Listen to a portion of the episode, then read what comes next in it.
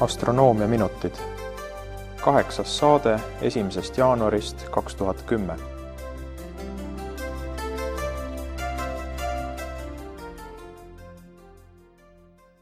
tere ja head uut aastat. alustame astronoomia minutite kaheksanda saatega. mina olen Taavi Tuvikene.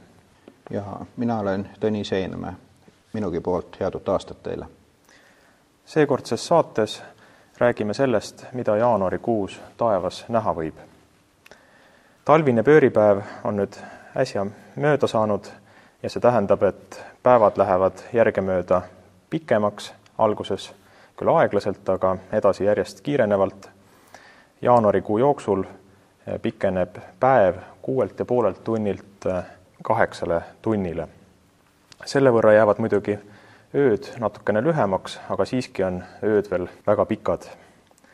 päikesest rääkides tasub mainida, et kolmandal jaanuaril on Maa Päikesele kõige lähemas asendis ehk seda öeldakse, et Maa on periheelis. sel päeval on Maa ja Päikese vaheline kaugus tervelt üks koma seitse protsenti väiksem kui, kui keskmiselt. vastavalt siis poole aasta pärast ehk äh, juuli esimestel päevadel on jällegi äh, Maa ja Päikese vaheline kaugus kõige suurem ja erinevus keskmisest on samamoodi üks koma seitse protsenti. tihtipeale arvatakse, et, et suved on soojad sellepärast, et ju siis Maa on Päikesele lähemal, aga nagu praegult välja tuleb, siis, siis tegelikult põhjapoolkera suvel on Maa Päikesest just kaugemal. et tegelikult jah, selle äh, soojuse annab see, et, et kui kõrgel parajasti päike taevas on. nii palju siis päikesest, aga Taavi, mida kuu jaanuarikuus teeb? jaanuarikuu algab täiskuuga, nagu detsembrikuu ülevaates rääkisime, siis vana aasta õhtul oli täiskuu ja ühtlasi ka kuuvarjutus ja ega siis kuu nii ruttu ka kõhnaks tagasi ei lähe, nii et jaanuari esimestel päevadel on, on ööd ikkagi väga valged kuuvalgusest tingituna just. kuu viimane veerand on seitsmendal jaanuaril ja noorkuu viieteistkümnendal jaanuaril, nii et jaanuarikuu keskpaik on kõige pimedamate öödega. ja jaanuari teises pooles ilmub kuu jälle nähtavale ja täiskuu on kolmekümnendal jaanuaril, siis on ööd jälle valged. nüüd äh, täiskuust tingituna jääb kahjuks äh, nägemata kvadrantiidide meteoorivool või ütleme siis niiviisi, et enamik eh, kvadrantiidide nõrkadest meteooridest jääb nägemata, mõned üksikud heledad meteoorid vast ikkagi paistavad ka kuuvalgusest hoolimata. kvadrantiidide radiant asub karjuse tähtkujus ja maksimum oleks eh, kolmanda jaanuari õhtul eh, kella üheksa ajal Eesti aja järgi siis on küll radiant veel madalal, radiant tõuseb öö jooksul kõrgemale ja kõige rohkem kvadrantiide peaks olema näha siis neljanda jaanuari hommikupoole. aga nagu öeldud, täiskuu tõttu või, või küllalt suure kuufaasi tõttu on meteoore maksimumist tunduvalt vähem. see maksimaalne tunniarv seniidis oleks võinud olla sada kakskümmend, aga, aga nüüd on hea, kui mõnda heledat meteoori üldse näeb. aga jaanuar kaks tuhat kümme on marsikuu, sest kätte jõuab järjekordne Marsi vastasseis. ehk sa, Tõnis, räägiksid Marsi vastasseisudest ja, ja sellest, mida seekordne vastasseis pakub? tõepoolest, kahe tuhande kümnenda aasta jaanuari lõpus leiab aset järjekordne Marsi vastasseis kui Marss on Maale kõige lähemal, küll kahekümne seitsmendal jaanuaril, siis vastasseis on kahekümne üheksandal jaanuaril, et kuu viimastel päevadel. alates kahe tuhande kolmanda aasta suurest vastasseisust on vastasseisudes Marsi ketta siis näiv läbimõõt järjest kahanenud ja seegi kord on see Marsi ketas pisut väiksem kui oli siin kahe tuhande seitsmendal aastal, kuid äh, suure plussina võib nimetada seda, et äh, Marss on vastasseisu ajal äh, vähitähtkujus ja vähitähtkuju käib taevas väga kõrgelt siis Marss kulmineerub seal südaöö paiku umbes viiekümne kraadi kõrgusel horisondist. et selle tõttu on teda väga hea vaadelda teleskoopidega just eeskätt. võib-olla tasuks kuulajatel selgitada, mida tähendavad suured vastasseisud ja mille poolest nad erinevad siis teistest vastasseisudest? suured vastasseisud on sellised vastasseisud, kus üsna elliptilisel orbiidil liikuv Marss asub periheelis ehk päikesele siis lähima punkti ümbruses ja Maa asub samal ajal afeelile võimalikult lähedal. afeel on siis see punkt, kus mingi planeet on päikesest kõige kaugemal. ja noh, kui siin ennist päikese puhul sai räägitud, et Maa asub afeelis juuli alguses, siis tähendab seda, et suured vastasseisud saavad toimuda suvisel ajal või siis varasügisel. ja no erinevus on, kui ennem ma ütlesin siin planeedi ketta koha pealt, siis no suure vastasseisu ajal niisugune kõige-kõige maksimaalsem Marsi ketta läbimõõt võiks olla umbes kuni kakskümmend kuus kaaresekundit ja seekordses vastasseisus on Marsi ketta läbimõõt seal neliteist kaaresekundit, nii et no päris kahte korda ei ole see erinevus, aga ikkagi küllalt palju. Suurte vastasseisude ajal on Marss Eestist vaadates üsna madalal horisondi kohal ka oma kulminatsiooni hetkel, sest ta asub siis kuskil seal skorpioni või hamburi või, või võib-olla kaljukitse tähtkujudes ja, ja need on suvisel ajal väga madalal näha. nii et planeedi suure, suure ketta rikub ära atmosfääri virvendus, et vaadelda on teda raske, siis nüüd seekordne vastasseis on, võib julgelt öelda, et tuleva kümnendi kõige parim selles mõttes, et Marsi ketas ei ole küll teab mis suur, ainult neliteist kaaresekundit, kuid ta asub väga kõrgel ja seetõttu on õhuvirvendused seal eh, kõrgel noh, väiksemad.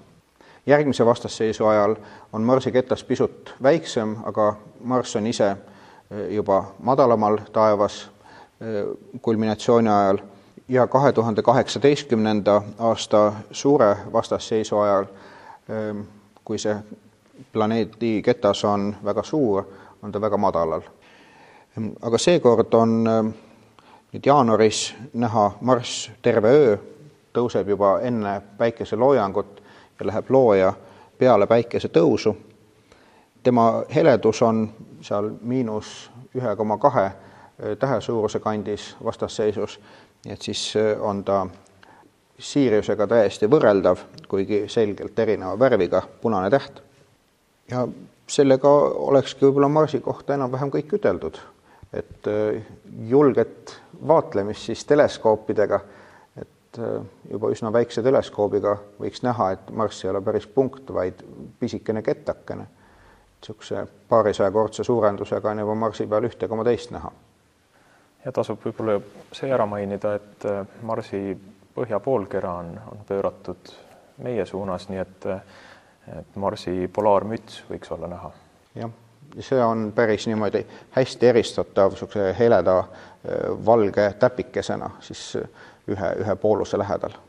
aga Marss ei ole ainukene nähtav planeet jaanuarikuus. Äh, õhtuti võib näha ka Jupiteri ja kes soovivad Jupiteri lähiajal vaadelda, peavad kiirustama, sest Jupiteri vaatlustingimused halvenevad ja jaanuari lõpus juba praktiliselt äh, kaob Jupiter päikese kumasse ja uuesti saab Jupiteri vaadata siis sügise poole, kui tuleb vastasseis ja, ja Jupiter on ka oma lähimas asendis äh, päikese suhtes.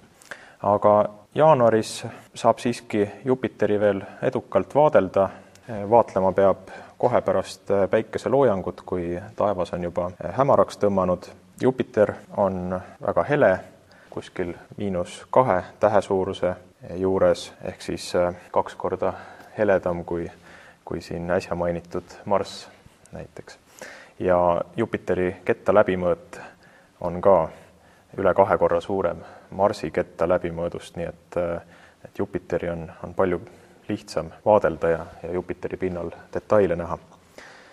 kellele Jupiterist üksinda ei piisa, siis võib oodata kaheksateistkümnenda jaanuari õhtut. tollel õhtul on kolme päeva vanune kuusirp umbes viie kaarekraadi kaugusel Jupiterist.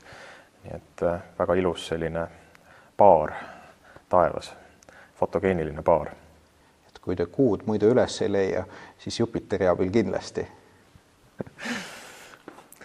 aga kes eh, tahab veel Neptuuni leida ja teisiti ei leia, siis, eh, siis Jupiterist on ikka veel abi. kui me rääkisime, et eh, detsembris möödus Jupiter Neptuunist poole kaarekraadi kauguselt, siis jaanuari alguses on Jupiteri ja Neptuuni vaheline kaugus veel kaks kaarekraadi, nii et Jupiterist võiks olla abi Neptuuni leidmisel, aga jaanuari lõpus liigub Jupiter Neptuunist juba nii palju eemale, et, et vahekaugus on kaheksa kaarekraadi ja ja siis ei ole Jupiterist vast enam Neptuuni leidmisel abi. Saturn, mis oktoobrikuus taas hommikutaevas nähtavale ilmus, on järjest paremini nähtav ja jaanuaris tõuseb Saturn juba pisut enne südaööd ja päris kuu lõpus juba enne kella kümmet õhtul. nii et äh, ei pea, ei pea hommikul väga vara üles tõusma, et Saturni vaadata. Saturni rõngas oli siin sügisel meie poole praktiliselt serviti.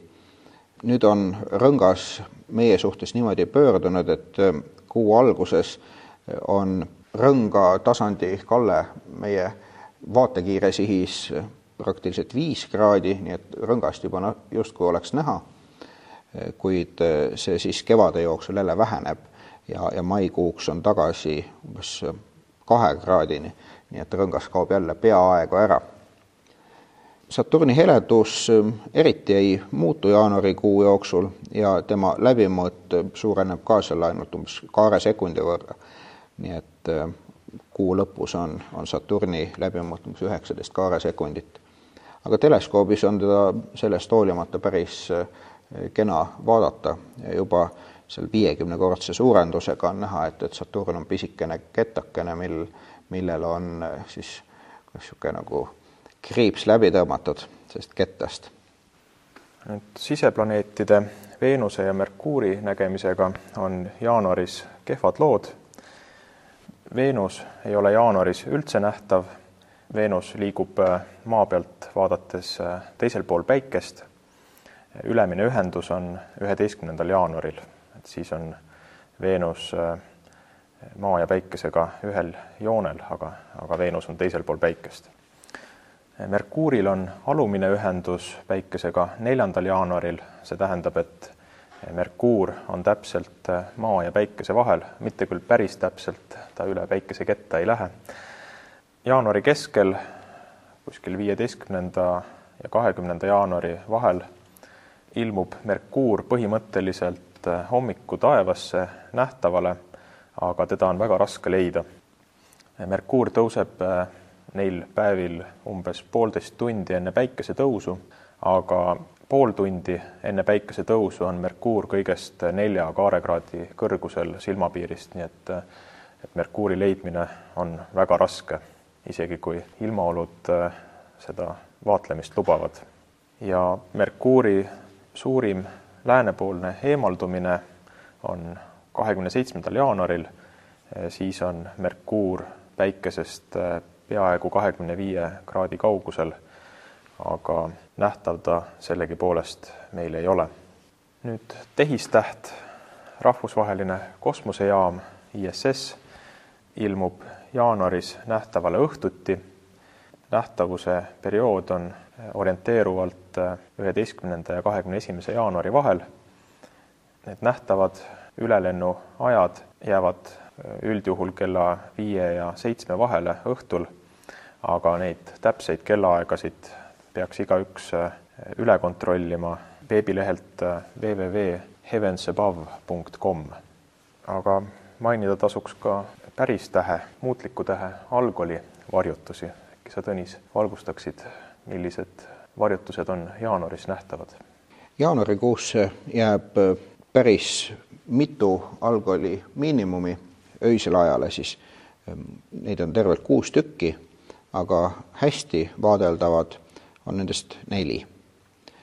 kõige esimene on uue aasta esimesel õhtul, kui varjutuse algus on poole viie ajal ja varjutuse lõpp juba siis teisel jaanuaril kella kahe ajal. nii et, et kui on hilja õhtul üleval olemise rütm veel sees, siis, siis seda varjutust on, on täitsa, täitsa hea jälgida. Et sellise pimeda aja jooksul, õhtupoolse pimeda aja jooksul näeb ära terve varjutuse. teine paremini nähtav varjutus on neljandal jaanuaril, varjutuse algus on küll valgel ajal, veerand kahe ajal, aga varjutuse miinimumhetk on pisut peale kella kuut ja, ja varjutus lõpeb kella üheteistkümneks neljanda jaanuari õhtul. kahekümne esimese jaanuari varjutus on pigem öine, varjutuse algus on veerand seitsme ajal ja varjutuse keskmoment kella üheteist ajal õhtul nii et äh, siis on üsna hästi jälgitav äh, selle algkooli varjutusse minek just. varjutuse lõpp on juba kahekümne teise jaanuari hommikutundidel kolmveerand nelja paiku. kahekümne neljanda jaanuari varjutus on selline, mis algab juba päeval kella kolme ajal ja varjutuse hetk või see miinimum on kella kaheksa ajal õhtul. ja see varjutus lõpeb pool tundi peale südaööd. nii et äh, pikad jaanuariööd on muutlike tähtede vaatlemiseks äh, üsna soodsad, sest näeb ära suure osa perioodist ühe öö jooksul. Jah, kui vaid taevas selge oleks, et siin Eesti kliimas äh, on küll jaanuar selline nigel kuu, et, et selgeid öid on, on küllalt vähe aga noh, tavaliselt ikkagi õnneks parem kui, kui november ja, ja ka detsember. et kevade poole ilmad lähevad pisut paremaks tavaliselt. aga sellega oleme teinud äh, ülevaate jaanuarikuu tähistaevast. jääb üle vaid loota, et äh, ilm tõesti paraneb ja on ka selgeid öid. järgmises äh, astronoomiaminutite saates, mis ilmub jaanuari keskel räägime amatöörteleskoopidest ja sellest, kuidas valida endale esimest teleskoopi. jääme kuulmiseni. Kuulmiseni ja selgeid öid